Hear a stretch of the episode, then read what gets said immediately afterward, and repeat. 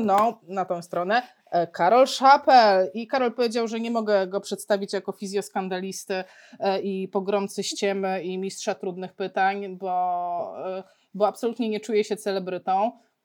No ale no Karol, no co ja mogę poradzić, że w międzyczasie zrobiłeś się zrobiło się głośno o Twoich poglądach, zrobiło się głośno o tym, co publikujesz, co uważasz. I ja to na przykład cenię, bo taka porządna burza w środowisku też jest odświeżająca, jak każda burza, e, i uważam, że dużo wartościowych rzeczy można wynieść. I ja sama nad wieloma rzeczami, e, które robię, czy które robiłam, wielokrotnie pod wpływem właśnie tego, co mówisz, ja się zastanawiałam na przykład na tym, co jest wartościowe, co nie jest wartościowe, co mogłabym zrobić lepiej, w co wierzę tylko dlatego, że w to wierzę, ale nikt tego nie udowodnił. Także ja uważam, że robisz kawał dobrej roboty. I bardzo Ci dziękuję, że przyjąłeś ponownie zaproszenie. I jeszcze tak, żeby dopełnić wszystkiego, e, jesteś pierwszym gościem, który jest u mnie trzeci raz. Nikt nie był u mnie trzy razy. Nobody. Wow. You're wow. the first. Bardzo, bardzo dziękuję. Już Ci mogę oddać głos. Postaram się to udźwignąć. Nie, fajnie, że no, mogę powiedzieć tylko tyle. No, miejmy refleksję po prostu nad tym, co robimy. Tak? Będziemy tylko lepsi.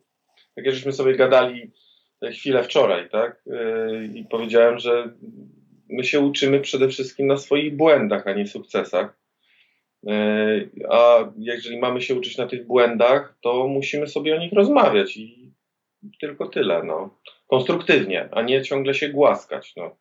Ja mam takie wrażenie, że się ogólnie cały czas głaszczemy, jak to jest wszystko super fajne, tylko no, wiemy wszyscy, że nie do końca tak jest, no.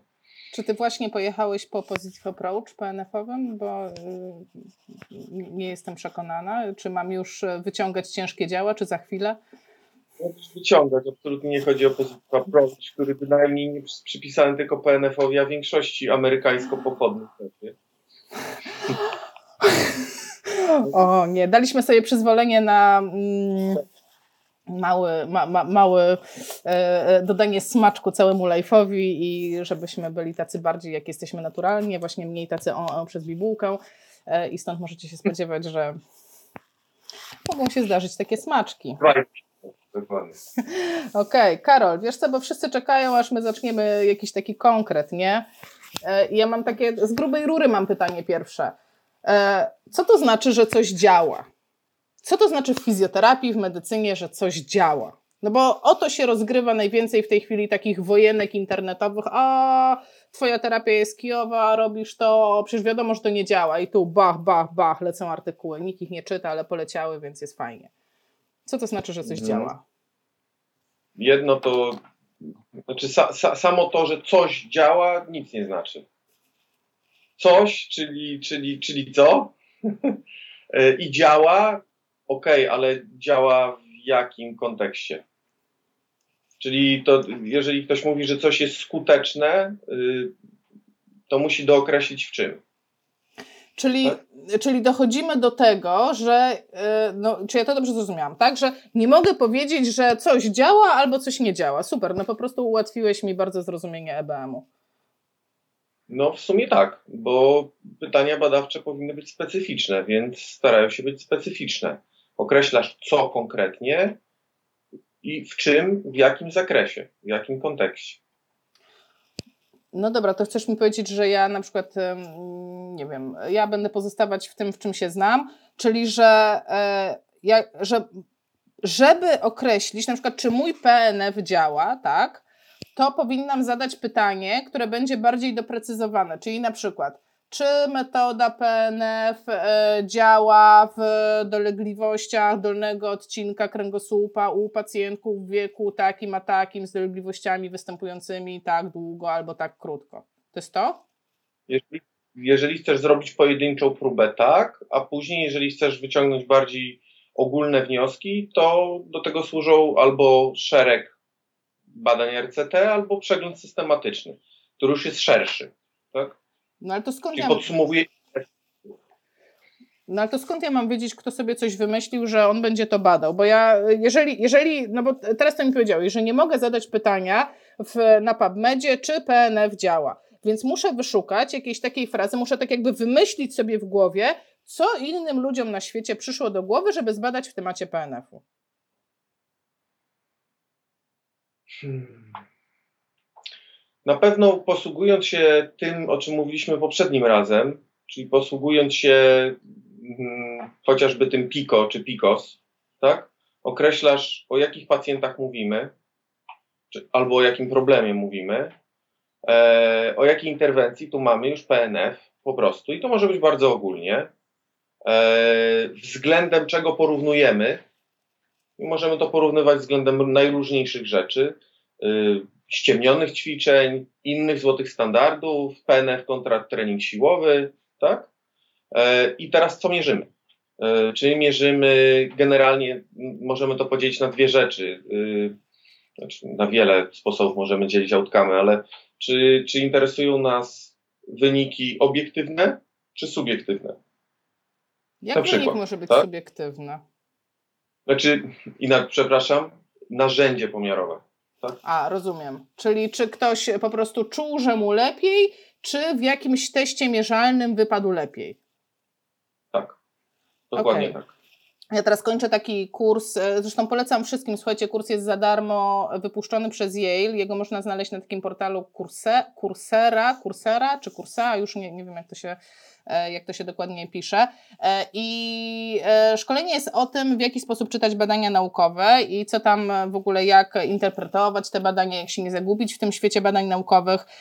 I tam prowadzący podkreślił coś takiego, mówi, wiecie co, bo zazwyczaj to jest tak, że badacz zadaje dosyć szerokie badanie, pytanie badawcze, w sensie to, co my oczekujemy, to szerokiej wiedzy a to, co tak naprawdę dostajemy, to jest wąski wynik, czyli jakaś grupa w jakiejś sytuacji, w jakichś warunkach.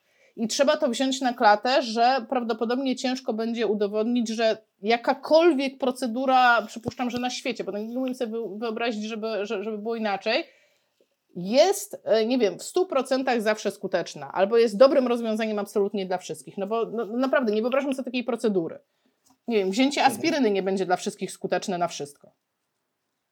Dokładnie tak, bo nie masz rzeczy skutecznych na wszystko. Swoją drogą. Okay? Natomiast y, jeżeli masz już zbiór najróżniejszych tego typu prób podobnych u podobnych pacjentów, e, sprawdzających różne konteksty, ból, funkcje, jakość życia, tak? Na przykład, rzucam takie podstawowe rzeczy. E, to z pewnością Twoja mm, pewność, że to jest bardziej skuteczne niż inne oddziaływanie, jest wyższa. Czyli mamy pierwszy punkt do odnotowania. Jak ktoś się zastanawia, czy to działa, to to, że prawdopodobnie nigdy nie dowiesz się obiektywnie, że coś działa zawsze i wszędzie i na wszystkich. To jest pierwsze tak. do odnotowania. Że zawsze będzie jakaś grupa pacjentów, na których działa, że będzie zawsze jakaś sytuacja, bądź jakieś, nie wiem, schorzenie, tak jak ty mówiłeś, interwencja. To jest ta interwencja, prawda? Tak? tak. Interwencja to jest oddziaływanie, tak? Oddziaływanie. Czym oddziałuje? Dobrze. E, no dobrze, no ale to w takim razie to troszeczkę tak jakbyś zamykał drogę do tego, że można udowodnić, że jakaś metoda działa. Mnie na przykład bardzo to interesuje, żeby udowodnić, że moja metoda, którą uwielbiam, działa. E, myślę, że wiele osób jest zainteresowanych tym. Zresztą przez ostatnie tygodnie gośćmi byli e, i Ernest, który reprezentował świat terapii manualnej, i Michał, który reprezentował świat osteopatii.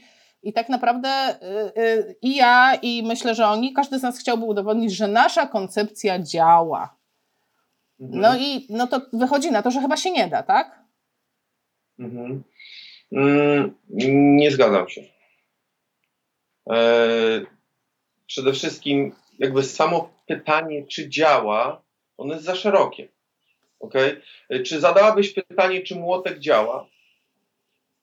No działa, tak? Ja go mogę na różne sposoby e, użyć, więc ogólnie to Ale... chyba działa. Okej, okay. w czym jest skuteczny, a w czym nie jest skuteczny? Okej? Okay? No to jest troszeczkę w tą stronę, no. Okej? Więc y, teraz, jeżeli nam rośnie ilość dowodów na temat tego, że określona metoda, nawet jeżeli się różni, ok, jeden, dajmy na to tej terapii manualnej, której, która jest mi bliższa, ja się nie znam na terapii neurologicznej, ja z PNF-u zrobiłem podstawowy, podstawowe szkolenie, więc jestem maluczki, ale mm, jeżeli nawet stosujesz nieco odmienny bodziec, to nadal pracujesz tą metodą, ok? E, I, tak jak jest terapia manualna, To nie chodzi o to, żebyśmy. O, znik, uciekła, zobacz, chyba się po stół zwiała.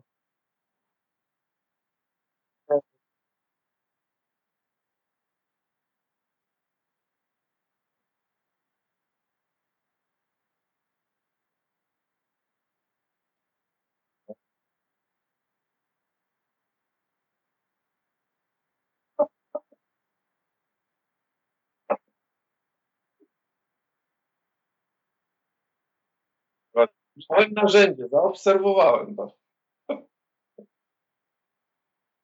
Tak więc ja. Da się. Oczywiście, że się da, tylko nie we wszystkim. Działa, ale w czym? Tak? Czyli jeżeli masz PNF i chcesz zadać pytanie, czy PNF działa, powiedzmy, przeciwbólowo w takiej i takiej grupie pacjentów, ogólnie grupie pacjentów, to możesz, można wykonać takie badania. Można później je zreplikować, można zrobić kolejne na nieco innych grupach i to za każdym razem pokazuje, że na przykład PNF jest skuteczniejszy niż coś innego. Tak? Albo nie, albo jest równie skuteczny. No ale Karol, jak ja mam zbadać, e, skoro PNF ma tak, ma zbiór e, technik, ma zbiór e, chwytów specyficznych, czyli te interwencje są niesłychanie specyficznie, to jak ja mogę zbadać taką interwencję, skoro tak naprawdę każdy terapeuta PNF troszeczkę inaczej przyłoży dłonie, troszeczkę inny opór postawi, ta interwencja będzie wyglądała troszeczkę inaczej, no to jak ja mogę to obiektywnie zbadać? Ale nadal nazywasz to PNF-em. Każdy, każdy z nas to robi inaczej, ale każdy robi PNF. Ok, więc y, to jest raz. Dwa, yy, można sprawdzić poziom zgodności pomiędzy wami i zobaczyć, czy w ogóle taka super specyficzność jest istotna. To jest, ja tak samo mogę to przyłożyć do terapii manualnej, czy musimy być tacy strasznie specyficzni i czy to ma jakieś znaczenie. Oj, może się okazać, że nie bardzo. Tak samo można to przełożyć na ćwiczenia, czy musimy być super specyficzni w pewnych rzeczach. Oj, się może okazać, że nie bardzo. Ok? Czyli wiesz, my wytworzyliśmy mnóstwo metod, mnóstwo koncepcji, które starają się być, wiesz, już rozdrabniać wszystko na jakieś super duperele, a tak naprawdę my czasami, czasami nie wiemy, yy, czy w ogóle ten kierunek jest ok. Nie? No dobrze, czyli sugerujesz, że tak, po pierwsze, jeżeli jesteśmy wszyscy terapeutami, nie wiem, no ja mówię PNF-u, tak, bo mi jest najłatwiej używać tego, tego przykładu, to może się okazać, że pomimo tego, że robimy to troszkę inaczej, to wciąż robimy to samo. Tak mniej więcej. No, zyskujecie te same, mimo że na przykład poziom zgodności pomiędzy wami, układaniem rąk, e, czy to jest na 11, czy na 10.49, czy na 9.30, Y, to, to może się okazać, że efekt jest ten sam. Okej, okay, no, ale, wiem, tak. no ale ja dalej tak? nie wiem, to no, no dobrze, no ale e, załóżmy, że ta rozbieżność nie ma znaczenia. No ale wciąż, jak mam udowodnić, że moja metoda działa? Jako metoda, jako koncepcja, bo to jest bardzo obszerne, tak? I generalnie koncepcje mają z tym problem, tak? Że, e, że trudno odróżnić e, tą interwencję przy pomocy koncepcji, która jest oparta na ćwiczeniach, od zwykłych ćwiczeń. No dobrze, to trzeba zadać pytanie w takim razie, co charakteryzuje to, że to jest PNF, a nie ćwiczenia? Dlaczego nazywasz to PNF-em, a nie ćwiczeniami po prostu? Co jest takiego charakterystycznego w tym, że nazywa się to PNF-em? Coś to charakteryzuje, prawda? No tak, oczywiście. To jest to coś unikalnego, nie? I teraz korzystasz z tych unikalnych elementów i one są powtarzalne w Twoim badaniu, tak? Czyli każdy pacjent w grupie PNF otrzymał takie, a nie inne postępowanie, które charakteryzowało się właśnie tymi rzeczami. Nie? I to jest PNF. No nie musi być to zawsze identyczne. Ok? Mhm. To jest w praktyce nigdy nie jest identyczne. Ok? Więc to jest to co innego, jakbyśmy zadali pytanie, na, wiesz, tu zadajemy pytanie, czy PNF jest skuteczny. Nie zadajemy pytania, czy mamy zawsze poruszać barkiem, czy tam czymś innym na godzinę 11. Okay? Jakby było takie pytanie, to byśmy tak skonstruowali badanie, gdzie byśmy kontrolowali to, czy poruszanie na 11, tak? Czy po pierwsze, czy pomiędzy terapeutami i Twoich powtórzeniach zawsze się poruszasz na 11, to jest numer jeden, czyli Twoja wewnętrzna zgodność. Pomiędzy terapeutami, czy się poruszają na 11, to jest zgodność pomiędzy terapeutami. I trzy, czy różnica jest w efekcie. Czy uzyskujecie dość podobne efekty, czy nie? Bo jeżeli uzyskujecie podobne efekty, a robiliście to odmiennie, to się może okazać, że wcale nie musicie być tacy identyczni. Bo uzyskujecie równie dobry efekt. Okay? Inną sprawą jest, inną sprawą jest, na ile jest to, to są kolejne rzeczy, tak? Na ile jest to mm, na przykład dobre w kontekście czucia tego, co robisz. Okay? Ale to już jest znacznie bardziej złożone, tak? Bo każdy z nas ma inne to czucie. Pamiętajcie, czucie oporu, tak? Czy to będzie terapia manualna też, bo tutaj mamy, dajmy na to, stawiamy opór do ruchu aktywnego na przykład, albo prowadzimy ruch, tak?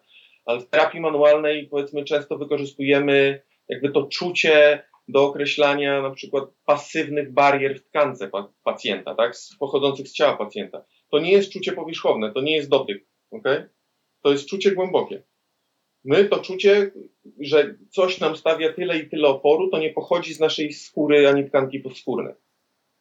To no i... czucie, które pochodzi, pochodzi z, głębok, z głębokich y, mechanoreceptorów, y, łącznie z wrzecionem mięśniowym. Okay? No i każdy ma inne. To jest moje, wiesz, to zawsze był mój taki problem w terapii manualnej, że ja miałam poczucie, że ja tego nie czuję. Że jak były te stopnie, wiesz, jeden, dwa, ja w ogóle nie umiałam tego rozróżnić. Albo, albo ciągnę, albo nie ciągnę tam, no po prostu nie ma miękkiej gry. Tych... Najważniejsze jest to, że mamy kilka systemów, tak jak Ernest mówił, nie? że mamy kilka systemów tych barier, ale przyznam szczerze, ja niespecjalnie spotkałem kiedykolwiek badania, które próbowały określić, na ile my jesteśmy zgodni w tych barierach. Nie? Więc dla, dlaczego do cholery stosujemy te, te, te systemy? No tak? właśnie o to mi chodzi. Może one są, nie, powiedział Ernest, może one są niepotrzebne. Nie? E, dokładnie o to mi chodzi, że właśnie ja miałam takie poczucie, że ja nie umiem się, nie, jakby, e, że dla każdego to czucie 1, 2, 3, czy jakiej tam skali użyjesz, że dla każdego to oznacza troszeczkę inaczej, tak? Że, że moje dwa może być zupełnie czym innym niż dwa mojego kolegi. E, tutaj Piotr mówi, e, to może warto w takim razie nie badać metody, tylko pojedyncze techniki, tak? Czy, czy technika w danej metodzie działa na przykład na zwiększenie mięśnia, tam nie wiem, czworogłowego w grupie pacjentów po artroskopii, a nie, nie zadawać e, pytania o całą metodę. Ja właśnie do tego dążyłam, wiesz, bo mnie się zawsze wydawało, że, że to tak w sumie chyba ciężko będzie udowodnić, że jakaś cała metoda działa i że dużo łatwiej udowodnić, że jakaś interwencja działa, taka mała interwencja typu na przykład, e, tak mi przychodzi do głowy, znowu będę się posiłkować e, PNF-em. E, proste ćwiczenie, już zostańmy przy tym czworogłowym. E, jest takie coś, nie wiem, czy kojarzysz, fotel śląski. Kojarzysz fotel śląski? Nie mam co to. Wiesz, to jest, to jest, wiesz na pewno, to jest na siłowni, jak się siedzi, takie krzesełko i stopy wkładasz pod takie, pod opór i prostujesz kolana. To, jest, to, to, jest, to, to się nazywa fotel no, śląski. No. Czyli no. nie wiem, jak się nazywa ta maszyna profesjonalnie.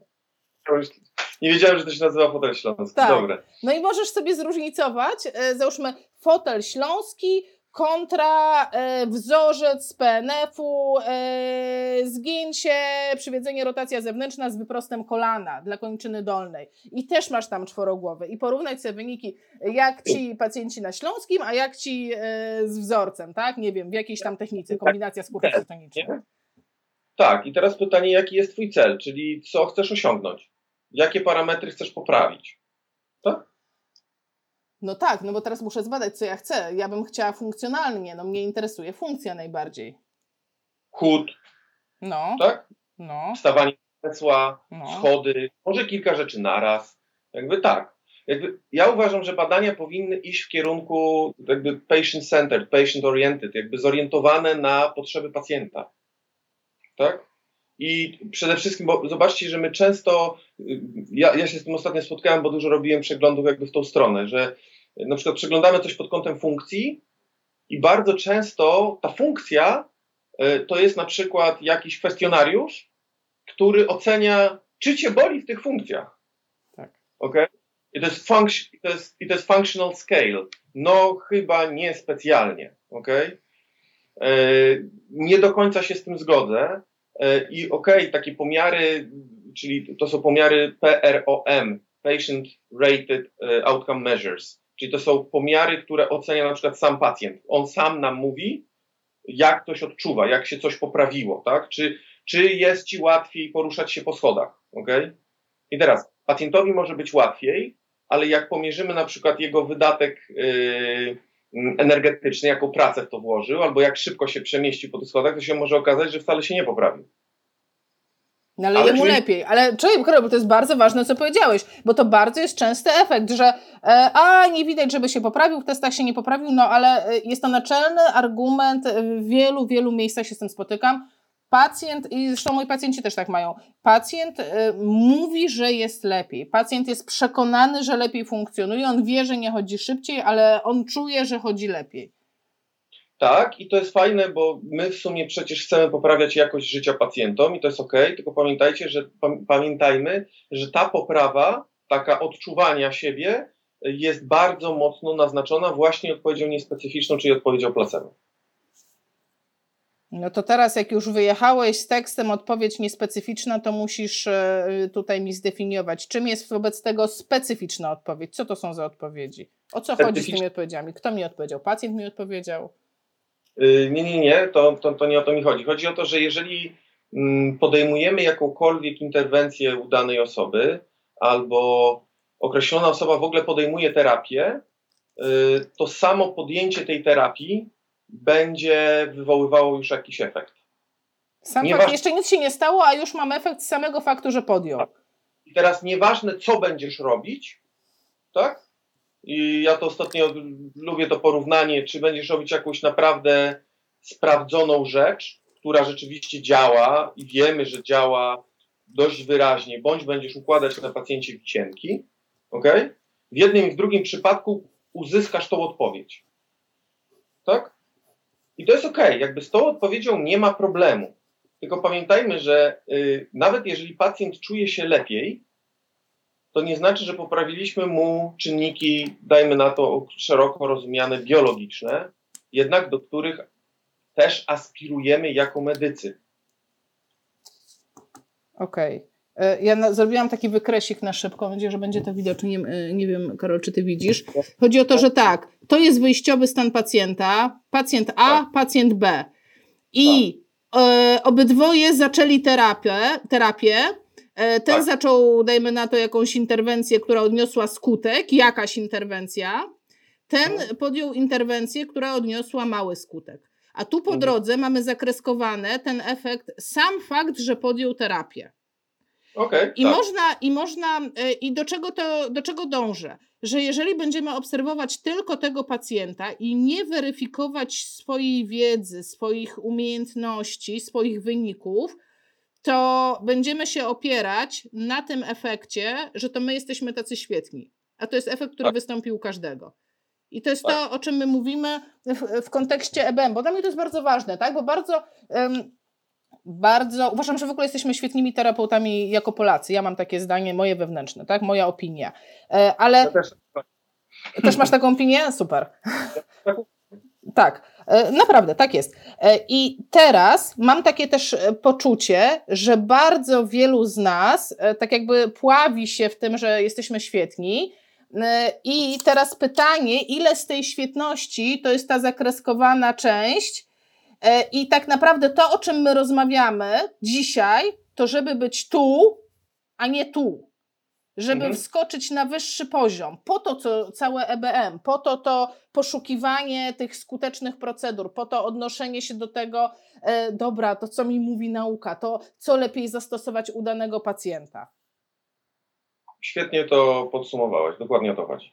I to, co było tam na, na samej górze, to był ten efekt specyficzny. A, dobra, słuchajcie. To teraz tak, żeby sobie podsumować. Ten zakreskowany to jest efekt niespecyficzny, czyli każdy go ma, niezależnie od tego, yy, jaką procedurę miał wdrożoną. On będzie większy, on będzie mniejszy od wielu czynników, bo on jest zależny od oczekiwań pacjenta, uwarunkowania pacjenta i tak dalej, okoliczności, w których się to wszystko odbywa. Niemniej jednak każdy z nas, jeżeli nie jest po prostu debilem, bucem i tam odszczekuje na pacjenta, bo to nie będzie miał wtedy raczej odpowiedzi placebo, to, e, e, to będzie uzyskiwał tą odpowiedź. Ale nas interesuje to, żeby maksymalizować swoją skuteczność, czyli to, co masz tutaj, ten wyższy słupek. Tak. tak. Tu chcemy być, słuchajcie, chcemy być tu, a nie tu, tak? To jest, to jest właśnie po to tu jesteście. Te osoby, które są tutaj na live, to po to są, żeby przejść do tego wyższego słupka. No dobrze, Karol, ja jeszcze na chwilę się cofnę. Wiesz co, bo ja mam to zapisane, żeśmy przeszli efekt specyficzny, efekt niespecyficzny. Super, że to jest wytłumaczone, ale wróćmy na sekundę jeszcze do tego, e, do wykonywania badań naukowych, bo e, no, ja spotkałam się naprawdę z mnóstwem krytycyzmu e, i mnóstwem wątpliwości takiej, że zasadniczo w fizjoterapii to dobrych badań naukowych się wykonać nie da dlatego że a, właśnie, nie da się zmierzyć tego naszego dotyku, no ale to już powiedziałeś, dobra, nie musimy go mierzyć, możemy założyć, że to jest interwencja e, specyficzna, inna niż wszystkie inne interwencje. Tak, no ale drugi... Ona będzie zróżnicowana w tym, nie? Ona po prostu będzie zróżnicowana. Musimy to wziąć pod uwagę, że będzie różna, tak? No dobrze, ale teraz drugi poważny zarzut, jeśli chodzi o EBM fizjoterapii, że przecież nie da się zaślepić takiej, e, takiej próby, czyli nie da się zrobić tak, że ten pacjent nie będzie wiedział, że terapeuta do niego podszedł. No przecież, przecież, no, no przecież my pracujemy jeden na jeden. I ja wiem, że pracuję z pacjentem i ten pacjent wie, że pracuje ze mną. No to jak to można zaślepić? No Karol. Ale najpierw powiedz no wszystkim, co to znaczy zaślepić. No, zaślepienie to jest e, tak naprawdę mm, próba, próbuję to w łatwy sposób, nie jest to proste, to jest próba ukrycia, zamaskowania przed różnymi osobami biorącymi udział w badaniu tego, do jakich grup przynależy określony pacjent. Ok? Generalnie. I służy to temu, żeby minimalizować wpływ stronniczości najróżniejszych na wnioski, które postawimy z tego badania. No, no to nadal. No przecież ja wiem, że ja jestem w grupie, która robi PNF, tak? No przecież ja wiem. No i ja wiem, co ja robię na tym pacjencie. No i jakim cudem to może być zaślepione? Jasne, że tak, ale asesor może być. Czyli ta osoba, która ocenia wyniki, może kompletnie nie wiedzieć. A, czyli ja zrobię swoje, mój pacjent zrobi swoje i my obydwoje tam mniej więcej wiemy, co robimy, ale podczas oceny on trafi do kompletnie e, osoby wyłączonej z procesu terapii, która tylko i wyłącznie powie, e, wykonaj ten i ten test, każdy wykona go tak samo i gdzieś tam zobiektywizuje te wyniki. I to, jest, i to już jest ta ślepość. Tak, to jest, to jest bardzo ważny element zaślepienia. Czy osoba oceniająca jest zaślepiona? I to jest jedna z najważniejszych rzeczy. Ok? No dobrze. Teraz no. pacjent, pacjent, yy, dajmy na to w takim PNF-ie, ale to też tożsamo jest na przykład w igiełkach, nie? Że mm, on nigdy nie ćwiczył PNF-u. Tak? On nie wie, on to może przeczytał sobie, co to jest, coś tam, ale on nigdy nie był poddawany terapii PNF. Więc on nie wie, co jest zwykłym ćwiczeniem, a co PNF-em. No tak, ale po pierwszym razie to już wie. Potem to już będzie wiedział. Albo jak już nie kiedyś no. miał doświadczenia, no to też wie. Czyli czy, czy to jeszcze kwestia no. doboru grupy, tak? Tak, i czy miał kiedyś, tak? No to to są, to, to są kryteria włączenia, wyłączenia pacjentów, tak? Do okay. takiego badania. E, I teraz po pierwszym będzie wiedział, no niekoniecznie, Okay? To jest pytanie, jakie dostanie informacje od tej osoby, od, od badanych, tak? Jakby coś, co ja gadam, od osób, które projektują, projektują ten proces badawczy. Okej, okay. no dobra. Więc to nie chodzi o to, że przecież jeżeli mielibyśmy patrzeć w ten sposób, to też osoba, która otrzymuje lek placebo, nadal wie, że połknęła pigułkę. No tak. Nie no, jasne. To nie jest, że to nie jest nieświadomka, że w ogóle cokolwiek zostałem czemukolwiek poddany, tak? W ogóle. Ja jestem świadomy, bo ja już biorę udział w badaniu, więc jestem świadomy, że w ogóle będzie ktoś coś na mnie robił, nie? Ej, on.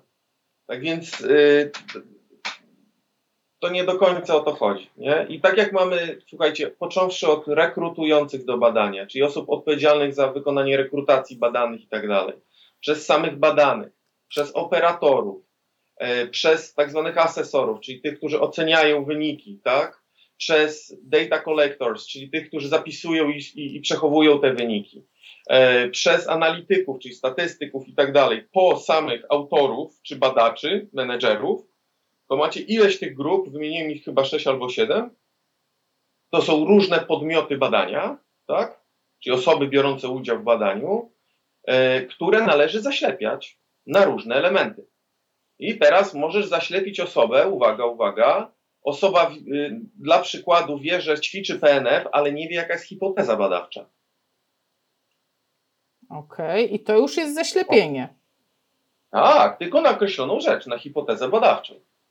Wow. Dla wszystkich, okay. którzy robią badania albo mają w planach, słuchajcie, e, skarb po prostu. Może ktoś się skusi na mój PNF. No i znowu macie ileś tych elementów, na które możemy zaślepiać też sześć czy tam siedem grup ludzi. Dlatego generalnie obecnie odchodzi się od określeń single blinded, double blinded, triple blinded, bo jest bzdura.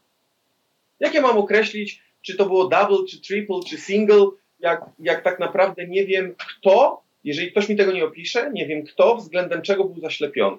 Ale to Więc rozumiem, tej... że. To czekaj, czekaj, czekaj, czekaj, czekaj, czekaj, znaczy, bo ja muszę to zrozumieć. Czyli rozumiem, że. Bo, bo kiedyś rzeczywiście, ja y, jak czytałam badania, no to zawsze właśnie się poszukiwało tego, że pojedynczo, podwójnie zaślepiona. Czyli do czego to się pierwotnie odnosiło? Bo ja to, powiem Ci, jak ja to rozumiałam, tak? Bo po rozmowie z Tobą zaczynam to inaczej rozumieć. Ja to rozumiałam tak że pacjent nie wie, co się z nim dzieje, czyli nie wie, która procedura jest na nim wykonywana, czyli coś na zasadzie wzięcia tabletki i on nie wie, czy on dostał placebo, czy on dostał, e, czy on dostał nie wiem, lek przeciwbólowy. I ja to tak traktowałam. I w tym, mhm. takim, e, w tym takim pojęciu, no, zaślepienie fizjoterapii po prostu kompletnie wydawało mi się bez sensu. No bo jak ja mam zaślepić to, że ja robię interwencję? E, no przecież on widzi, tak? Ja jestem, on wie, w jakiej jest interwencji, tak? Więc to było jedno. A drugie, a to, że podwójnie, to ja to rozumiałam tak, że ten, co wykonuje tą procedurę, to on nie wie, co robi. Czyli nie wie, którą on... tabletkę mu podał. Mówię sobie, no to co, to terapeuta też nie będzie wiedział, no bzdura. On nie tyle wie, w której jest interwencji, on wie, że jest poddawany interwencji, ale może nie wiedzieć, jaką interwencję otrzymują inni. Ma niewiedzę. Ok? I to już jest to zaślepienie. Czyli poniekąd tak ale wtedy trzeba to e, opisać, bo, no bo to jest to, e, jakby co ja zakładałam, że się nie da, tak? No bo nie da się tak, żeby on całkowicie nie wiedział, co się z nim dzieje, oprócz tego, że jest w badaniu. Przykładu, dokładnie. Dla przykładu, masz operatora, czyli masz terapeutę, tak? I teraz ten terapeuta, jeden terapeuta wykonuje zabiegi na osobach z grupy A i z grupy B. Ok? To nie za dobrze. Bo jeżeli wykonuje i ma, on ma na pewno jakieś przekonania względem tych dwóch terapii, ma jakieś, jest jakoś uwarunkowany, on to uwarunkowanie będzie przekazywał nawet podświadomie pacjentowi. Tak, okay? mówiłam o tym chyba, już nie pamiętam w czasie którego live'u, że, że te przekonania, pomimo tego, że one nie są uzewnętrzniane bezpośrednio, mają wpływ na wyniki badawcze i to jest zbadane. Tak, on nie musi mówić, nie? Tak, ta osoba nie musi mówić nawet nic, oceniać, tak? Natomiast samo jej podejście niestety to jest ryzyko stronniczości, tak? Więc w tej chwili przy takich próbach zdecydowanie lepiej jest stosować przynajmniej dwóch operatorów. Jeden stosuje jedno, drugi stosuje drugie i porównujemy. Okay? No to tak jak to przedstawiasz, to wydaje się, że to nie jest aż takie trudne, a tutaj e, wiesz, e, Tomasz pisze, że tylko to brzmi tak super, e, ale wydaje mi się, że wiele badań tak nie wygląda. No i ja się obawiam, że Tomasz ma rację. No ma rację. Oczywiście, że tak. Jest mnóstwo shitu. Co tu będziemy ukrywać? I po to są te live'y, żeby oddzielić ziarno od pleb, żeby usiąść, przeczytać to co, to, co tam jest napisane i być w stanie przynajmniej, przynajmniej ogólnie ocenić, czy to, co tam badacze sobie wymyślili, to ma ręce i nogi, czy nam to będzie potrzebne w terapii. Si. I do, tego też służą te systematic review, tak? czyli te przeglądy systematyczne, szczególnie ze źródeł o znacznie wyższym poziomie zaufania, no, tak jak tutaj Cochrane, tak? E, przy, powoływała się na Cochrane. Zdecydowanie tak, bo tam po prostu selekcja tych prac jest bardzo rygorystyczna. I ona zmniejsza ryzyko, że ktoś tam coś zakłamał. Nie? No, ja ostatnio przeglądałem pracę, podają mi liczbę, liczbę badanych, mi podają flowcharcie, to jest ta, ten taki ten taki wykresik, na którym jest po kolei ilu było, ilu było osób zrekrutowanych, wstępna ocena, bla, bla, bla i tak dalej, i tak dalej. Ja patrzę, na początek mamy, tam było chyba 56, e, skończyło 52, e, a w tekście mam 56, a skończyło 48. I mówię, wow, skąd to się tak rozjechało? Oj, oj, oj, oj, oj. Temu misiu się odkleiły oczka. Jakby, wiesz, i, i w tym momencie, no sorry, ale ktoś tu coś pomotał, tak? I ja w tym momencie, no, śmiem trochę wątpić w rzetelność tego badania, okej? Okay? Pozwolę sobie przetoczyć chyba e, najsłynniejsze badanie ściemy, e, w moim mniemaniu przynajmniej, w ogóle chyba, chyba badanie, które przyniosło tyle szkody w fizjoterapii i w rehabilitacji i generalnie ludziom, że po prostu aż boli. E, na pewno, na pewno słyszałeś o badaniu na Hemsona. To jest to badanie, że mm, jak, jak wpiszecie w internet obciążenia w kręgosłupie, ciśnienie w dyskach, to taki wyskoczy e, taka grafika, słupki i tak, jak, jak, leży, jak leży to ma niskie ciśnienie, jak stoi to trochę wyższe, jak siedzi to wyższe, a jak się zgina to po prostu ten dysk wybucha, atomówka, w ogóle dramat. E, I, i rzeczywiście to badanie zaistniało. Ten facet, e, on zmierzył faktycznie ciśnienie w dyskach. A wiesz, jakie zmierzył? Ty nie wiesz, ja cię kręcę, nie wiesz, jak on zmierzył. Wziął igłę, e, wbił, tą, wbił tą igłę w dyski każdemu, igła gruba, taka chyba tam, nie wiem, 7 centymetrów, słuchajcie, wbił tą igłę w dyski, ta igła była połączona z ciśnieniomierzem, tak, to jest takie jak, jak my mamy pompeczkę, prawda, czy do mierzenia ciśnienia i tam pokazywało się to ciśnienie w dysku, więc teraz wyobraźcie sobie, e, po prostu e, procedura, stoisz, jesteś tym badanym, stoisz w tą, z tą igłą wbitą w dysk międzykręgowy e, i on ci mierzy... Będę ją wbijał, przepraszam. Słuchaj, ja nie wiem, no, no ale wbił, tak? No, no, no musiał wbić, tak? Nie wiedziałem, że to jest, bada, o badaniu słyszałem, nie czytałem go raczej. E, wykres znam, nie kojarzyłem tego człowieka absolutnie, tak dzięki, chętnie, to, chętnie się temu przyjrzę. E, brzmi to dość ciekawie. A czekaj, bo to nie koniec, Karol, to nie koniec. O, to, to nie koniec. On wbił im tą igłę i teraz uwaga, e, no bo, no bo on, on zaczął mierzyć, tak, w różnych pozycjach. To stań, to, to połóż się, to usiądź, no w te pozycje musiał zmierzyć. E, i na tej podstawie opublikował te badania, które przez ostatnie tam, nie wiem, 60 czy 70 lat e, straszą wszystkich naszych pacjentów, że nie wolno siedzieć, nie wolno się schylać. To się stąd wzięło, to jest konkretnie źródło. I teraz zgadnij. No. A, te, a, te, a, teraz rzuć, e, rzuć, jak ci się wydaje, jak duża była grupa badawcza? Ile ich tam było? No pewnie ze 4-5 osób. No, 9. Jesteś bardzo blisko. Jesteś bardzo blisko. A jak myślisz, ile ukończyło wszystkie próby? Czyli tam e, stań, połóż się, usiądź, skłoń się, podskocz, tam nie wiem, co tam jeszcze było. Nie wiem, ja bym mu dał w ryj po pierwszym, więc. E, tak, tak pewnie... tak. Były osoby, które po pierwszej próbie, czyli tylko wbicie, powiedziały, to my już dziękujemy. Tak, były takie osoby. Tak? Zgadnij, ile zrobiło wszystkie. Ale dobra, poczekaj, to z ilu tych dziewięciu, ilu ukończyło? No właśnie o to chodzi, że chyba jedno. No to. Słuchajcie, no ale to, ale to wiesz, to, zobacz, ja się śmieję, tak? Podchodzę do tego humorystycznie, ale zobacz, ile my teraz wysiłku, jako, nie wiem, świat nauki, całe, e, całe to takie pain science, e, świadomość pod kątem kręgosłupa, e, świadomość pacjentów, jak, jaką my teraz mamy robotę do wykonania, która będzie trwała kilkanaście, jak nie kilkadziesiąt lat, żeby ludzie przestali się bać siedzieć i schylać się. No czasy są trochę nasze, bo, bo już dużo się o tym mówi, że jednak można schylać się, a nawet trzeba, że siedzenie cię nie zabije, znaczy nie, akurat może cię zabić, jak za dużo siedzisz, e, ale nie spowoduje jakichś dolegliwości bólowych, ale to jest hit i to wszystko powstało na punkcie tego, że ktoś kiedyś opublikował kiepskie badanie, ale było medialne, więc yy, podchwyciły to, nie wiem, prasa, tak, no bo to te czasy, że jeszcze tam telewizja nie szczególnie. No i teraz wszyscy się boją, jak sobie wpiszecie naprawdę ciśnienie w dyskach, tam pressure, dysk pressure, to, to wam to wyskoczy. Możecie sobie to sprawdzić po prostu. Ja bardziej na pogduku zawsze, jak jeszcze tak w tych plecach siedziałem, to bardziej na tym się opierałem. Ale e, no cóż, no, jeżeli z Wam z dziewięciu osób zostaje jedna, to e, to generalnie nie jest to ukończyło badanie 85%. Generalnie, żeby to miało ręce i nogi, e, to dropout nie powinien być większy niż, 8, niż 15%. Okay? Żeby, nie, żeby, żeby te wyniki miały jakiś sens. 15 tak? to wyszło po wbiciu igły. 15 to po wbiciu powiedziało proszę wyjąć. Bardzo możliwe. E, więc w ogóle nie rozumiem. Pytanie w ogóle, czy ten, to urządzenie, e, z którego on korzystał, jaką ono miało rzetelność, nie? Bo to, to też nie, ciekawe. Już drążysz, drążysz. Nie, to już, to już, to już wiesz, to już za, za, dużo, za dużo trudnych pytań, powiem ci. To już... Nie, wiesz, no, co ty mierzysz? Czy ono w ogóle mierzy to, co ma mierzyć, wiesz? No to, to, to jest kolejna rzecz. Czy to był jego konstrukt, czy tam ktoś się zastanowił nad tym, czy to ma jakąś powtarzalność pomiaru, tak? I, i jakąś skalę tego, bo jest wyskalowane.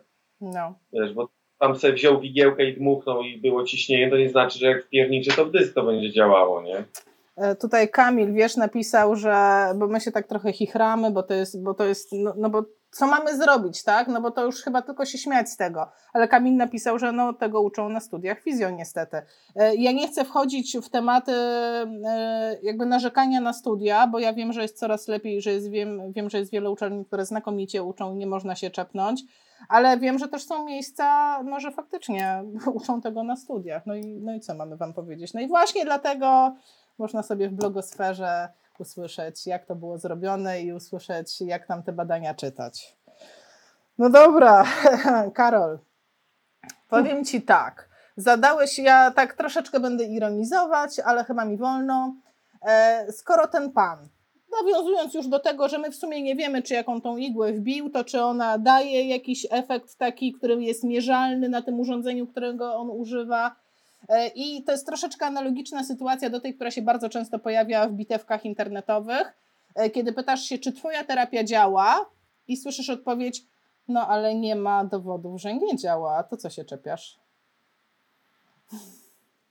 Mm, no to ja mam tylko jedno pytanie, czy, czy, czy wszemi wobec y, mówisz ludziom, że robisz eksperymenty na pacjencie, no to nie ma sprawy. Jeżeli, jeżeli pacjent jest, jeżeli pacjent ma przedstawioną informację rzetelnie i na podstawie tej rzetelnej informacji o tym, o tym, co mu się proponuje, może podjąć decyzję o tym leczeniu, nie ma sprawy. Problem polega na tym, że jest mnóstwo yy, nie no, powiedzmy sobie szczerze, w tej chwili jest mnóstwo eksperymentalnych metod, które dodatkowo nie są stosowane jako metody komplementarne, tylko są stosowane jako zastępniki co gorsza, często są promowane jako lepsze i skuteczniejsze, za czym nie stoją żadne dowody, e, odciągają pacjentów od udowodnionej skuteczności metod i to jest nieetyczne. Więc masz, my jako terapeuci, będąc fizjoterapeutą, a więc zawodem, przypominam, medycznym, mamy obowiązek poinformować pacjenta rzetelnie o tym, co mu proponujemy i dać pacjentowi prawo świadomego wyboru. Jeżeli go nie dajesz, to okłamujesz pacjenta. To jest nieetyczne. Dobra, czekaj. E, ja to, ja to tak pozbieram sobie w głowie. Bo trzeba zacząć od tego, że jak mam jakieś pytanie badawcze, czyli zastanawiam się, czy to, co chcę zrobić z moim pacjentem, to jakiekolwiek ma potwierdzenie w nauce, czy to w ogóle ma sens, tak? Poszukuję takiej odpowiedzi. Generalnie jestem odpowiedzialnym terapeutą i na przykład poszukuję odpowiedzi, czy, nie wiem, wykonywanie wzorców miednicy będzie poprawiało e, stabilność e, tułowia u osób e, tam, nie wiem, niech to będzie z niestabilnością tułowia, po udarze, tak? Wszystko jedno, tak? Teraz wymyślam sobie takie pytanie. I teraz mogę znaleźć dwa rodzaje odpowiedzi. Ja mogę znaleźć odpowiedź, że nie potwierdzono takiej skuteczności, czyli gdzieś tam znajduję tego typu próby i one mi mówią, Wiesz co, Aśka? Zasadniczo to ta interwencja nie różni się od każdej innej interwencji na tułów.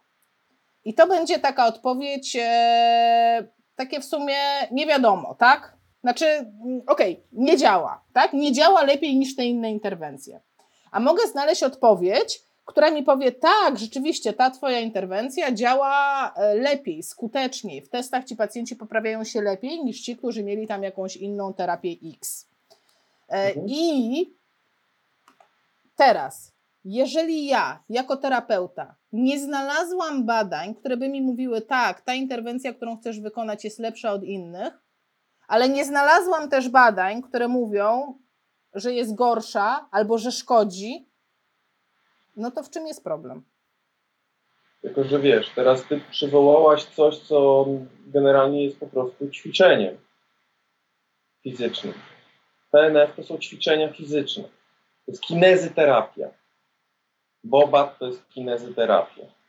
Terapia manualna, czyli robienie czegokolwiek w ruchu, to jest, to kinezyterapia. Czyli okay? leczenie ruchem. Cały czas pozostajemy w leczeniu ruchem. Chyba wiem, do czego dążysz. Czyli, że. Czyli... To są ćwiczenia. I oczywiście one mogą mieć bardzo różną e, skuteczność i czasami mogą jej po prostu nie mieć. Niemniej jednak są to ćwiczenia fizyczne. Okay? Dobra, to po, powiedzmy, dlaczego to jest ważne. Czekaj, bo to jest bardzo ważne, co powiedziałeś. Czyli, bo, bo dla odmiany ćwiczenia fizyczne są najbardziej potwierdzoną w EBM interwencją, tak? My wiemy, że ćwiczenia fizyczne to działają na pewno. Mm, tak, nie zawsze super tak, jakbyśmy chcieli, a czasami znacznie lepiej niż nam się wydaje, ale generalnie są skuteczną formą w ogóle leczenia ludzi. Tak. Więc jedyne wojenki, jakie możemy tłumaczyć, że moje ćwiczenia są lepsze niż Twoje ćwiczenia.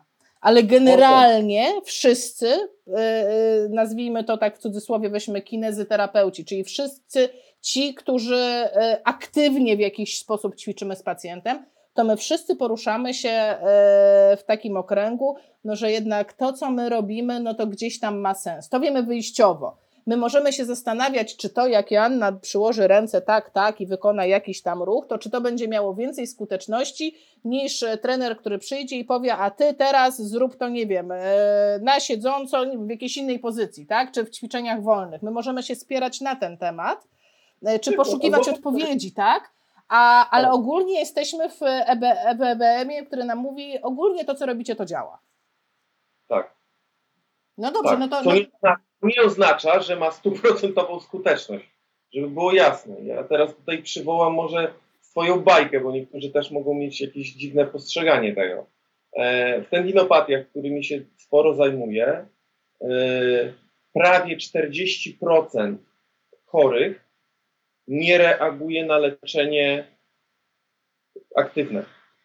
Czy to będzie HSR, czy to będzie czy to będzie treningi, różne formy treningu y, ekscentrycznego, treningu izo, izo, izoinercjalnego, nieważne co byśmy sobie wybierali, z których to, co obecnie jest wiadome, to prawie 40% y, chorych nie, nie, nie, nie, nie, nie zostaje wyleczone w pełni. To bardzo dużo. Sporo. Sporo, tak? I teraz my w tej chwili te wysiłki, które się podejmuje w tendinopatiach, to jest określanie jak my mamy uspecyficzniać bodziec mechaniczny i go indywidualizować do pacjenta, bo tego w ogóle nie robimy. To jest numer raz. Numer, zobaczcie, to są protokoły 3 razy 15 dla każdego, tak? Bez obciążenia, BW. Teraz dla ciebie 3 razy 15 to jest co innego, hill rise, dla mnie co innego, dla babci co innego, dla sportowca to w ogóle tam nawet nie wie, czy pierdną, tak? I, i teraz to, jaki to jest bodziec? To jest zindywidualizowany bodziec w ogóle. Tak? To jest bardzo duży problem. Nie? To jest raz, ale dwa. Na ile w tym odgrywa rolę genetyka, na ile odgrywa, odgrywa rolę w tym y, od, układ immunologiczny, na ile układ endokrynowy i tak dalej, i tak dalej, i tak dalej. Bo tendinopatia jest bardzo złożonym zjawiskiem. Więc my po to mamy EBM, żeby znajdować odpowiedzi na te pytania. Tak? I próbować klasyfikować pacjent, że jak masz problemy cukrzycowe, to powinieneś pójść w tą stronę. I ćwiczenia powinny być bardziej tak modulowane. A jak masz problem taki, a nie inny, tarczycowy, to powinieneś w tą stronę. Tak? Po to chodzi. Po to nam ta nauka. Nie? Ale jeżeli ja słyszę, że ktoś robi jakieś pasywne rzeczy u pacjenta z tendinopatią i mówi, że jest super skuteczny, to, to, to jest opinia gienia z drugiego piętra, sąsiada, tak? Pokaż mi, pokaż mi dane, i to wiesz, to już jest przecież od lat. Od lat te efekty są. Tak, pokażcie mi. Ja, wam nie wierzę na słowo, sorry, nie wierzę wam. Tak samo jak nie wierzę tym mordeczkom w telewizji, co nam obiecują różne rzeczy. Ja im też nie wierzę. Ok? Pokażcie mi, że rzeczywiście tak jest. Co za problem? Naprawdę dobrze, dobrze zrobione, proste badania kliniczne nie są trudne. Jak mi ktoś wciska, że to jest trudne, albo niemożliwe, jak mi wciska, że jest niemożliwe, to ja dostaję piany, tak? Bo to jest po prostu obrona pseudo wszystkiego, tak?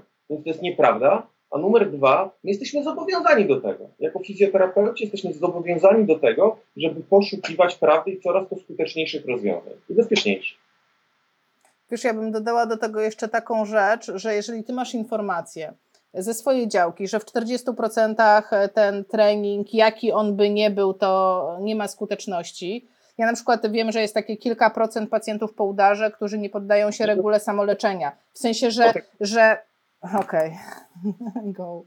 O to, że u 40% nie mamy wyleczenia. To nie znaczy, że nie ma w ogóle odpowiedzi. Odpowiedź jest, ale ona jest na przykład Visa P jest nadal poniżej 90. Czyli jest niesatysfakcjonująca. Weź to wytłumacz, ja w ogóle nie wiem, co ty do mnie powiedziałeś. Visa P. Yy, przepraszam, to jest kwestionariusz, sorry, to jest kwestionariusz yy, taki funkcjonalnej oceny zmian yy, przy przy więzadle rzepki. Visa A to jest, to jest kwestionariusz związany z Achillesem. To są ba bardzo, bardzo rzetelne narzędzia pomiarowe, już sprawdzone wiel po, wielokroć. Okay? I chodzi o to, że te 40% to są osoby, które nie to, że w ogóle nic się nie zmieniło. One po prostu tych kwestionariuszach nie przekroczyły 90, gdzie powyżej 90 zazwyczaj uznajemy, i to też zostało w pewien sposób uargumentowane, że to są osoby, które bardzo często definiują się jako zdrowe i też poprawiają się funkcjonalnie. Więc u tych 40% pacjentów nie mamy tej odpowiedzi, co nie znaczy, że nie czują się lepiej i tak dalej, ale na przykład już nie mogli wrócić do super hardkorowego treningu, na przykład, tak? Albo już nie mogli chodzić tak długo po górach. Nie wiem, rzucam już takie, wiesz, bardzo, bardzo ogólne stwierdzenie, żeby to było zrozumiałe, ale to nie znaczy, że to w ogóle nie było skuteczne ale oczywiście tacy też są. Jest odsetek ludzi, którzy fatalnie reagują na jakiekolwiek formy aktywnego leczenia. No Ten właśnie, no bo ja się chciałam Ciebie zapytać. No dobrze, no bo w tej chwili tak, e, ustaliliśmy, że jak ktoś jest w tej terapii ruchem, wszystko super, mamy EBM, tralalala. Ale no przecież jest mnóstwo w tej chwili terapii, które jednak są terapiami pasywnymi. Czyli co to mhm. znaczy pasywna? Że ktoś leży czy siedzi, a ja coś robię z nim, tak? Eee, nie wiem, no kurczę, masaż jest terapią pasywną, tak? A zrobisz pacjentowi masaż i on prawdopodobnie się poprawi, on ci powie, że jest lepiej, że on się lepiej czuje i że on, on po tym masażu to wszedł na zawrat, a bez tego masażu to wszedłby tylko, nie wiem, na świnicę. Pamiętajcie, proszę, odpowiedź placebo nie wywołuje wyraźnych zmian biologicznych. To jest odpowiedź w postrzeganiu ciała. Oczywiście uzyskujemy pewną zmienność w ośrodkowym układzie nerwowym, Natomiast on nie wyleczy, jeżeli masz coś popsute w ciele, to odpowiedź placebo tego nie naprawi. No dobrze, no ale wszystkie, no nie wszystkie, teraz się mówi dużo na temat przewlekłych dolegliwości bólowych, że one właśnie charakteryzują się tym, że ty w ciele to nie masz nic popsutego specjalnie, ale masz tą odpowiedź centralną, masz tą hipersensytyzację, czyli w tym momencie, bo, bo, bo zobacz, bo w tym momencie, jak my wiemy, że problem jest w gruncie rzeczy ośrodkowy, i gru, w gruncie rzeczy w postrzeganiu, w, w wielu takich czynnikach psychospołecznych, tak, ten model biopsychospołeczny, gdzie bio w przewlekłych dolegliwościach bólowych nie jest aż tak mocno zaznaczone, bo na to też są dowody naukowe, no to w tym momencie łatwo popłynąć, no to co, no to tak naprawdę to jedyne, co muszę zrobić, to popracować nad efektem placebo, czyli dobrze pogadać z tym pacjentem, żeby on mi uwierzył. No bo to też jest uliczka taka troszeczkę, wiesz, no ja bym się zastanawiała, czy chcemy tędy iść. To jest wylewanie dziecka z kąpielą y, i, i, nie wiem, ja jestem nikim generalnie, ale pozwolę sobie to powiedzieć. Uważam, że osoby, które promują czysto kognitywną terapię, yy, deprecjonując inne rzeczy, robią krzywdę pacjentom przede wszystkim. Okay? Bo owszem, yy, ból jest zjawiskiem ośrodkowym, ból jest emocją, możemy ją modulować na wiele sposobów, Niemniej jednak pacjenci często wpadają w chroniczne zespoły, dlatego że nie są przystosowani do bezpiecznego egzystowania w środowisku, w którym chcą egzystować.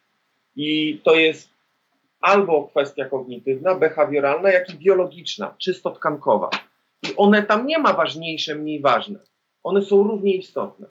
Ja to mówię teraz z perspektywy mechanobiologicznej, bo tym się głównie zajmuję.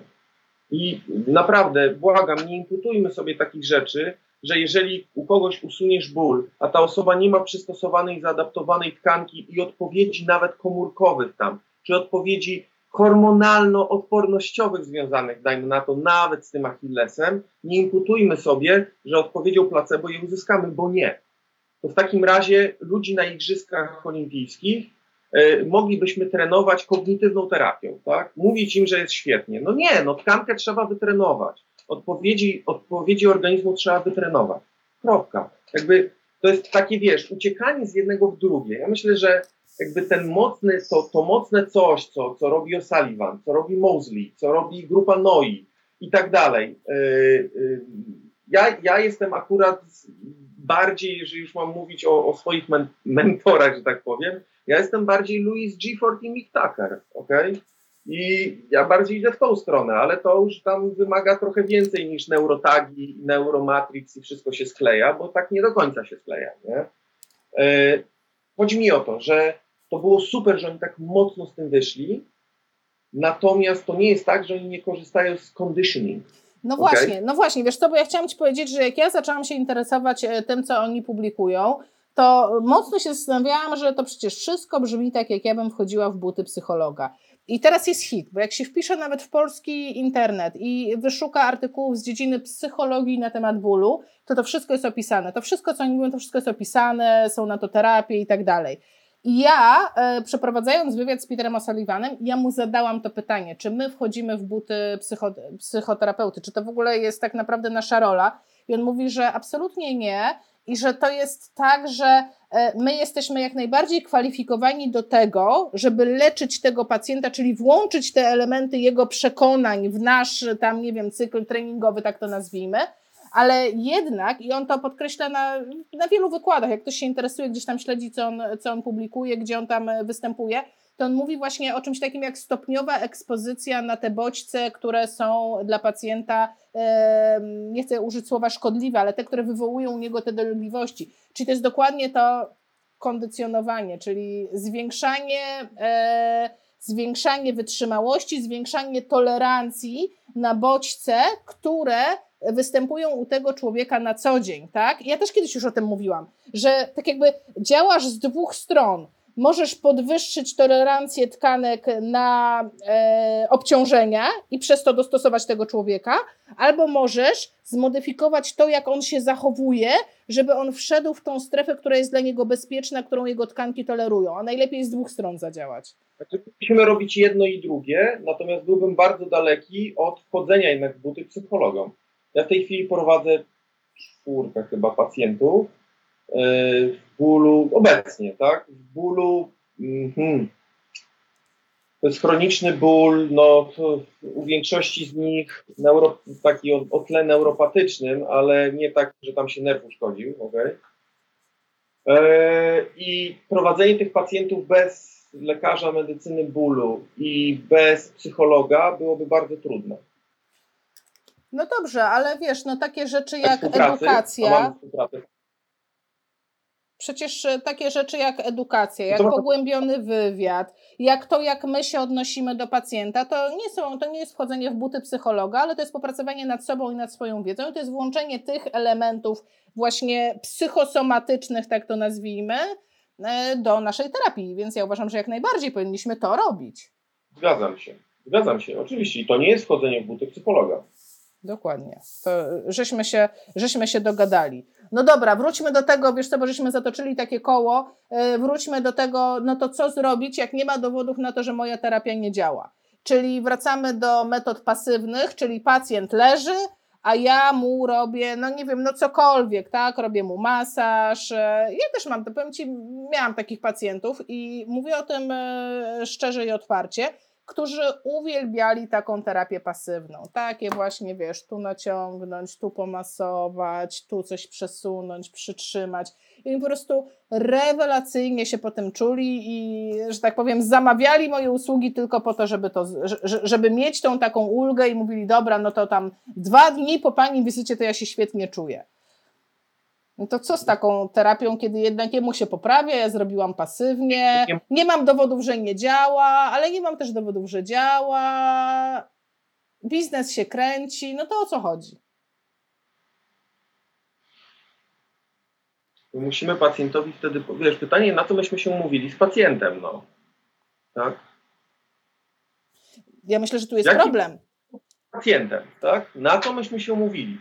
Czy, my, czy myśmy się umówili na to, że my mu trwale pomożemy, bo może się umówiliśmy na to, bo są tacy terapeuci, o tym też powinniśmy głośno mówić, którzy mimo, że dany problem nie jest problemem chronicznym, prowadzimy pacjentów przez 5, 7, 10, 15 lat. I pacjent do nas regularnie przychodzi raz na tydzień, raz na dwa tygodnie. Przepraszam, dla mnie to jest uzależnienie pacjenta od terapeuty. Nie, nie, nie akceptuję czegoś takiego. I teraz, jeżeli coś takiego jest w momencie, kiedy pacjent wie, że tak naprawdę on już jest samodzielny, on nie musi, albo udało się uzyskać ten efekt, to, to jest jakby my, my chcemy się przywitać z pacjentem, zrobić swoją robotę i leć chłopie, leć dziewczyno, ciesz się życiem, tak? Spotkamy się kiedyś na kawę, nie? A nie uzależniać pacjenta od siebie. Oczywiście, ja nie mówię o pacjentach z problemami nieuleczalnymi, ja nie mówię o pacjentach, którym mamy pomagać do końca życia, ale to jest, to jest oddzielny temat, ok? Natomiast e, hmm, to jest ludziom makaronu, że to, co ja robię, to jest w ogóle najlepsze, zamiast powiedzieć, słuchaj, co próbowałeś, to, to, to i to. Hmm. I nie działa, nie. Okej, okay. a jakie masz przekonania? Ale Karol, ale czy ja Cię muszę tu zatrzymać, ponieważ masa osób pracuje na NFZ. Ja przepracowałam bardzo dużo lat na NFZ i Przykro. naprawdę większość to jest tak. E, co chciałby Pan osiągnąć, albo co chciałbyś w życiu robić, a nie możesz, bo przeszkadza Ci to, co to, co, z czym do mnie przyszedłeś. I ni du, te pytania nie działają, to jest taka po prostu bajka. E, na NFZ to chcę, żeby mniej bolało, a co najbardziej pomaga? Najbardziej pomaga, jak mnie ktoś pomasuje, albo właśnie zrobi punkty, albo zrobi mi, no generalnie jakąś pasywną terapię. I to jest coś, z czym stykają się terapeuci non-stop na NFZ, bo pacjenci są tego nauczeni. Problem NFZ-u polega na tym, że o ile ja się orientuję, a jestem bardzo daleki od tego, żeby być dobrze zorientowany, więc mnie wyprostujcie, jeżeli gadam jakieś głupoty. Ale ja to widzę w ten sposób, ostatnio to poruszaliśmy też w naszej tam grupie takiej tej węższej, że dla mnie absurdem jest, że pacjent przychodzi w skomasowany sposób, przez dwa tygodnie ma 10 wizyt. Dla mnie to jest absurd, ok? Na jakie my odpowiedzi, i to jeszcze najczęściej są pacjenci chroniczni, z przetrwałym problemem, ok? A nie ostrym. E, przyznam szczerze, już bardziej bez sensu wydawać pieniędzy nasz, nasz, nasz system nie może e, i my powinniśmy o tym głośno mówić, bo jeżeli nie mówimy, to znaczy się pod tym podpisujemy. ok? A to jest hipokryzja. Tak no to wiesz, to nie my się podpisujemy, to, to, to my, my, walczymy o tym, żeby NFZ wiedział, e, walczymy o tym, żeby gdzieś tam zmieniać te procedury, my jako my, jako fizjoterapeuci, tak? Ja mówię jako tam, nie wiem, jako generalnie zawód, tak? A, a jest nam po prostu trudno. Tak po prostu trudno. Mi się wydaje, że miesza się, miesza się pojęcie wellness i rehabilitacji, bo to takie właśnie, wiesz, pasywne, pomasować lepiej, to jest wellness, to nie jest rehabilitacja. I teraz nie deprecjonujmy wagi wellness, tak? To jest super sprawa. To jest super sprawa, z tym, że to nie jest coś, co leczy. Ja, ja nie uważam, żeby. Y, jeszcze raz, ja nie uważam, że rzeczy, które są eksperymentalne, są nieskuteczne. Ja nigdy takich rzeczy nie mówię. Ja mówię, że my nie wiemy. I teraz pytanie, jak ty je promujesz i co mówisz pacjentowi?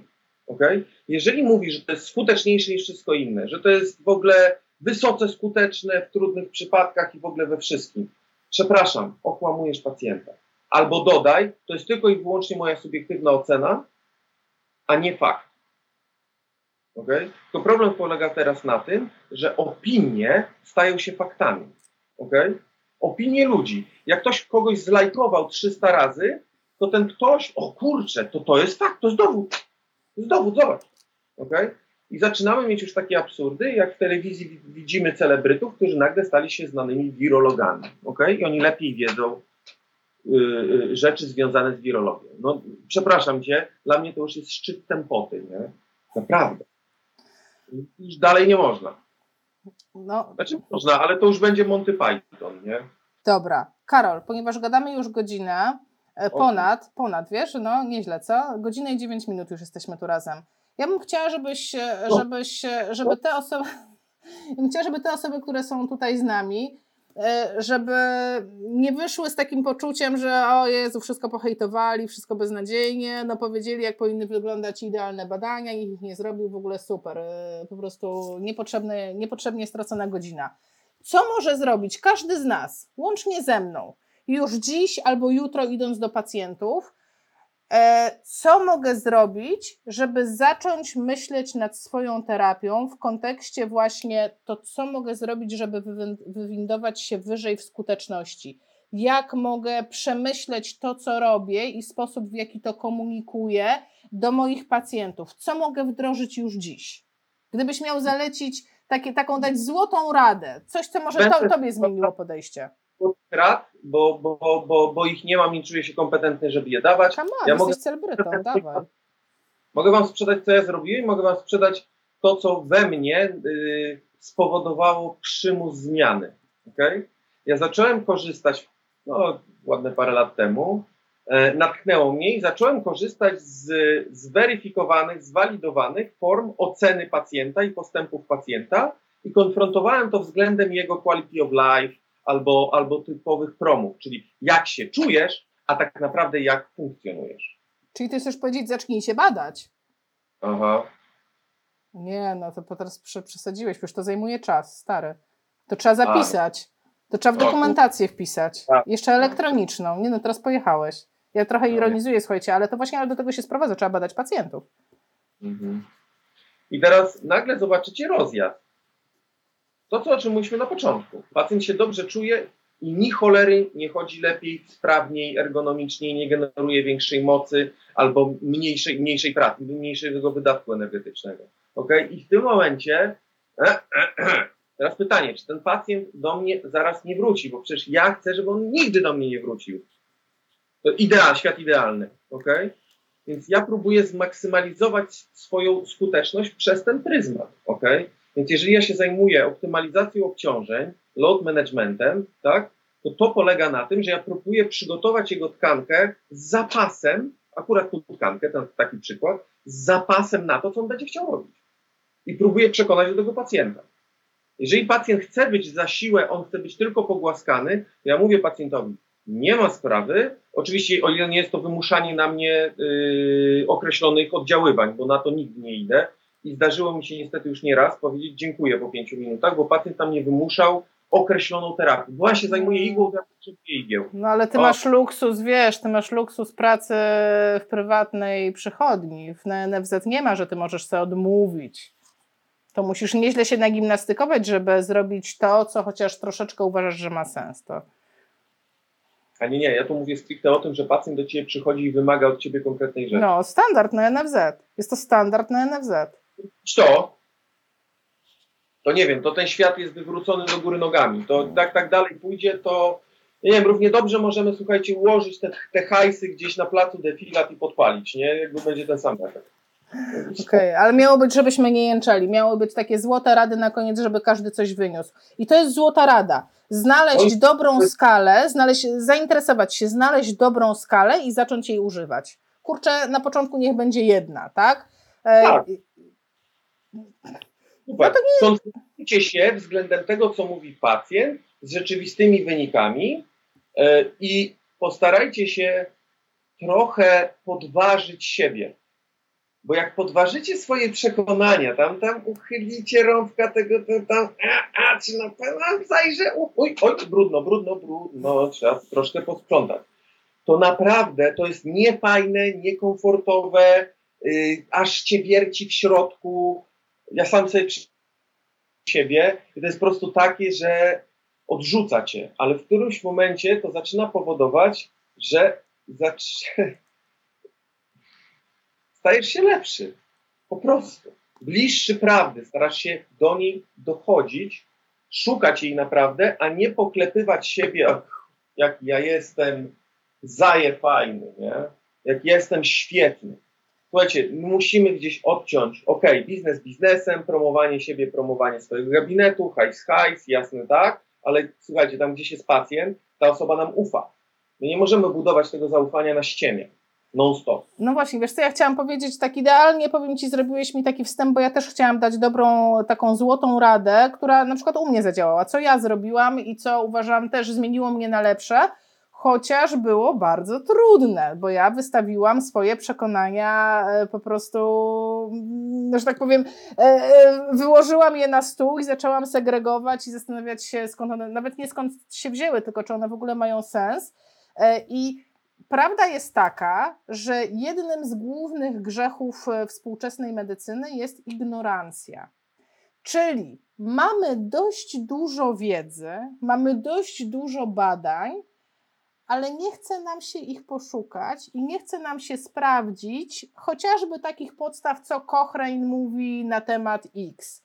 Ja właśnie poszukując takich odpowiedzi w grubych, właśnie takich typu jakieś przeglądy systematyczne, czy typu Cochrane, e, na temat pacjentów po udarze, zaczęłam znajdować informacje, które absolutnie nie zgadzały się z tym, co robiłam e, do, e, do tej pory, tak? Takie rzeczy typu na przykład, że temblak po udarze nie jest rzeczą szkodliwą. Tak? Nie ma dowodów na to, że on szkodzi. Chociaż większość osób powie, o Boże, temblak po udarze nie wolno. Ja sama nie zalecam temblaka, ale przynajmniej mam tę wiedzę, ja potrafię uzasadnić, dlaczego bym go nie chciała użyć, co mogę użyć w zamian, ale mam tę wiedzę, że tak generalnie jak ktoś to zbadał, no to nie było żadnych dowodów na to, że to szkodzi. My myślimy, że to szkodzi, bo mamy takie wyobrażenie w głowie. To jest jeden z przykładów.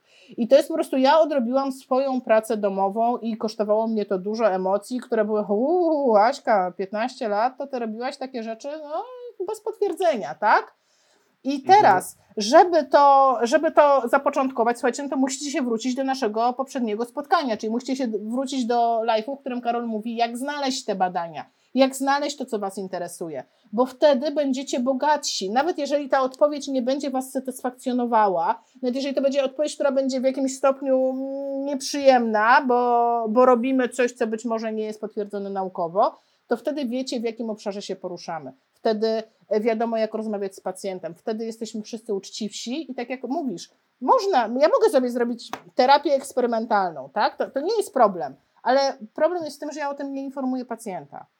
Mogę mu powiedzieć, że teraz możemy spróbować czegoś, co nie ma bogatego potwierdzenia, ale w mojej, mo, u mnie klinicznie dużo pacjentów chwaliło sobie tą procedurę, więc jeżeli, e, więc jeżeli chciałby Pan spróbować, nie wiem, procedury X, to zróbmy to, zróbmy to, po prostu tak? I wtedy ja jestem uczciwa, bo ja powiedziałam, tak? Podałam tą informację, że to nie jest coś, co jest, co jest udowodnione naukowo, ale podałam też informację, do której ja jestem przekonana, że moim pacjentom pomaga, bo mam prawo do takich przekonań, ale jestem uczciwa.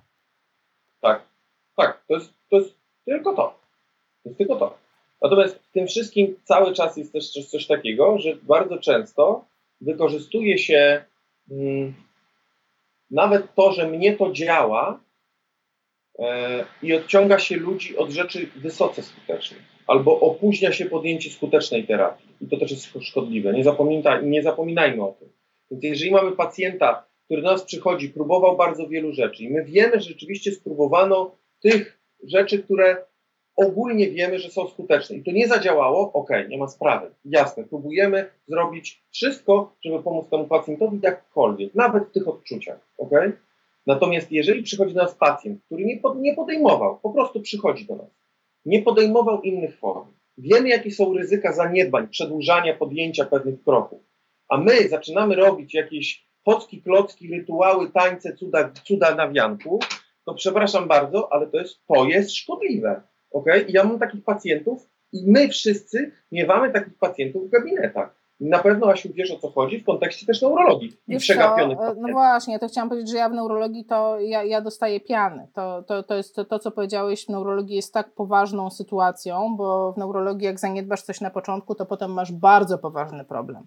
Więc to jest ultra ważne, żeby na początku wiedzieć, co robić. I tutaj i tutaj ja naprawdę dostaję bian, piany, jak, jak dowiaduję się z wywiadu, że nie wiem, że, że, że, że nie wiem, no, pacjent był masowany, tak, już żeby zostać przy tych terapiach biernych, a nikt go, nie wiem, ani nie spionizował, ani nie posadził, ani nie pochylił do przodu, ani nie wstał z nim.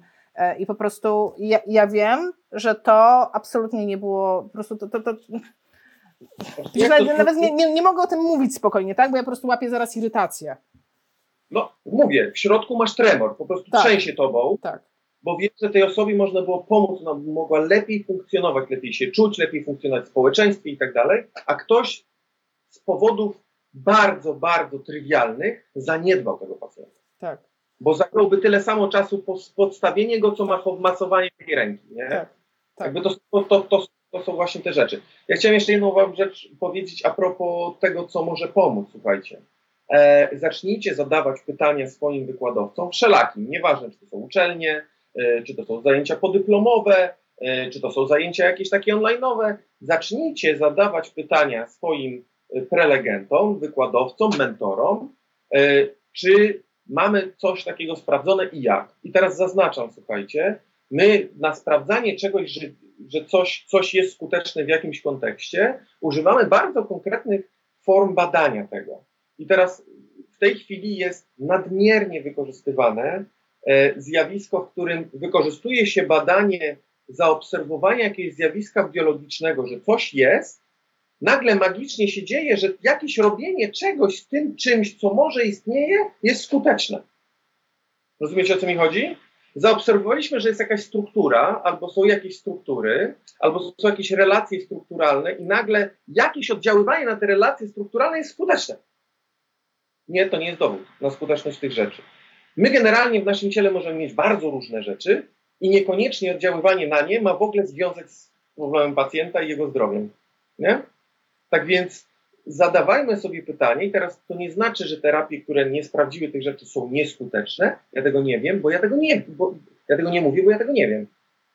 Ale jeżeli są na rynku lat 10, 15, 8, 20, to powinny chyba już dążyć ku temu, żeby to sprawdzić.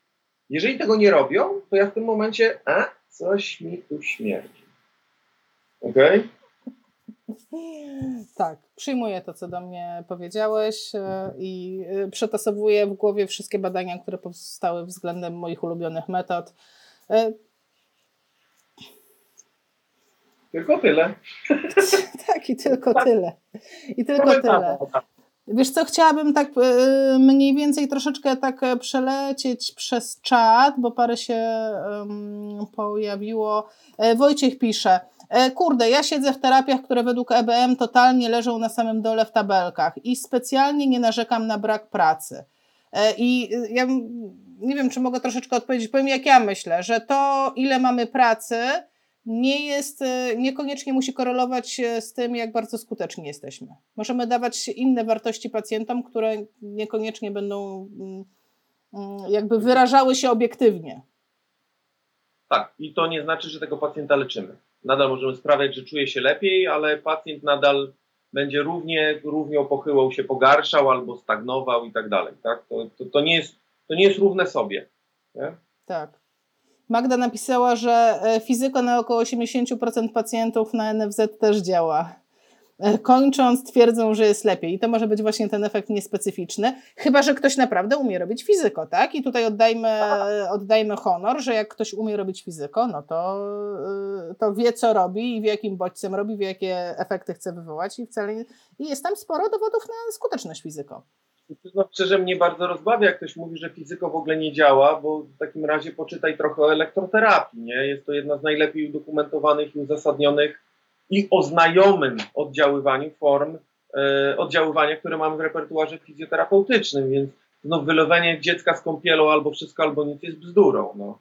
Są rzeczy, które są, są bzdurą, są rzeczy, które rzeczywiście działają, tylko trzeba dobrać dawkę, odpowiednio to wykonać, a nie wykonywać, nie wiem, tens przez 15 minut, oby, e, gdzie jego próg oddziaływania fizjologicznego jest na poziomie 30 minut przeciętnie. No to z, znów ustawmy kopczyk pieniążków na placu defila, tylko podpalmy, wyjdzie na to samo, nie?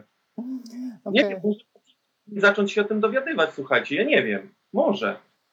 Znaczy... Przecież to nie jest nasza wina, my wiemy, to system to psuje. Tak. Okay? Kto, nas, kto nas okrada jako, jak, jako społeczeństwo? System. Okay? Może za, trzeba zacząć o tym mówić, że to jest po prostu ściema, nie? No, mówimy, no, Karol, no mówimy. Ewelina napisała właśnie to, to, to, o czym ja tak głęboko myślę. E, to tu, Asiu, jest pytanie, czy etyczne jest, abym jako fizjoterapeuta brała więcej pieniędzy za terapię e, PNF NDT Bobat, skoro nie udowodniono, że takie terapie są bardziej skuteczne niż od zwykłej kinezy. I tutaj mamy dwie rzeczy tak jakby w tym pytaniu, no bo pierwsze pytanie jest ogólne, no bo ogólnie mamy dużo wiedzy, co trzeba robić z pacjentem neurologicznym. Zakładam, że jak PNF i Bobat wpadł do jednego worka, to chodzi o pacjentów neurologicznych, więc to jest pierwsza rzecz i tutaj e, no, też muszę być uczciwa, to nie jest tak, że muszę być terapeutą PNF czy terapeutą NDT Bobat, żeby wiedzieć, co robić z pacjentem neurologicznym. Ja uważam, że absolutnie tak nie jest. Niemniej obie metody dają mi garść narzędzi, gdzie być może będzie mi to łatwiej robić, będę e, skuteczniej rozumować, będę mieć większy zasób tych interwencji, które będę robiła z pacjentem i docelowo będę gdzieś tam bardziej skuteczna. I e, ja przyznam się, nie śledzę świata bobatów badań, bo to mnie aż tak bardzo nie kręci, ale śledzę świat PNF-u i no my tam walczymy, tak? Walczymy tak jak możemy. To, co mówisz, Karol, że metoda jest ileś tam lat już na rynku i ci, którzy mają zasoby ku temu, bo badania jednak trochę kosztują, to starają się robić, no chociażby case study jakieś robić. E, powstają mhm. przeglądy, powstają jakieś e, próby badawcze, więc e, tak naprawdę jak poszukać, to można znaleźć sporo dowodów na to, że ten PNF ma sens. E, I ja o tym mówiłam. E, Ewelina, chciałabyś sobie dosłuchać dokładniej e, w live'ie Core Stability Hit czy Kit, tam się odnosiłam bezpośrednio do metody PNF. E, a czy etyczne jest branie więcej pieniędzy? Ja myślę, że e, wycena świadczeń, wycena tego, ile ja biorę pieniędzy, to jest znacznie więcej niż to, ile ja mam kursów skończonych. A przynajmniej w mojej, w mojej ocenie tak powinno być, że to, że to nie jest takie zero-jedynkowe. Mam pięć kursów, to biorę tam, nie wiem, stówkę, a mam trzy kursy, to biorę 70, a mam 10 kursów, to biorę 150, tak? Uważam, że to absolutnie nie powinno iść w tym kierunku. Jest dużo więcej czynników, jak chociażby to, czy mieszkasz w Konstancinie, czy mieszkasz w Kielcach Pierwsza rzecz, tak? Szczerze, bierzcie tyle, na ile się cenicie. Kropka. Tak, ile dajecie wartości. Ja tak uważam, że ta wartość jest ważna, a nie cena jest ważna, tak? I ja bym tego nie uzależniała od metody. Dobrze, jakieś ostatnie pytanie wybiorę, bo już bardzo długo gadamy, a po prostu tyle osób z nami wytrzymało, Karol, że ja jestem w szoku. Po prostu, no jednak jesteś gwiazdą, chcę Ci powiedzieć, no jednak e, dziękuję Ci. Ejny, dobra, nie, dobrze, dobrze, to już tutaj już.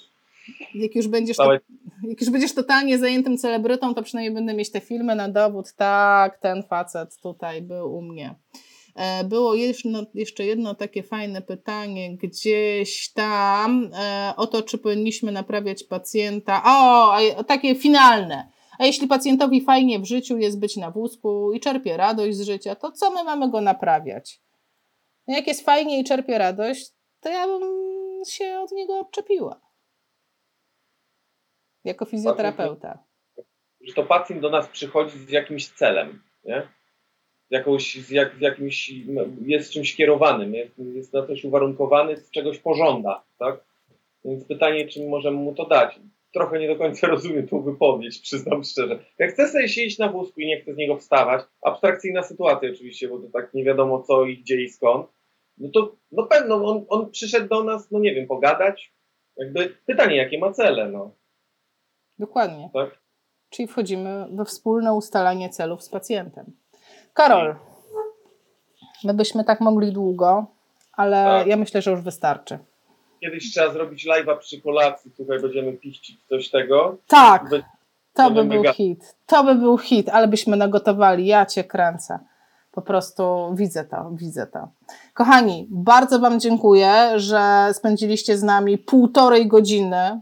Karol, Tobie bardzo, bardzo dziękuję za to, że podzieliłeś się z nami swoją wiedzą. Ja mam taką nadzieję. Ja po każdej rozmowie z Tobą, ja dużo myślę po rozmowach z Tobą.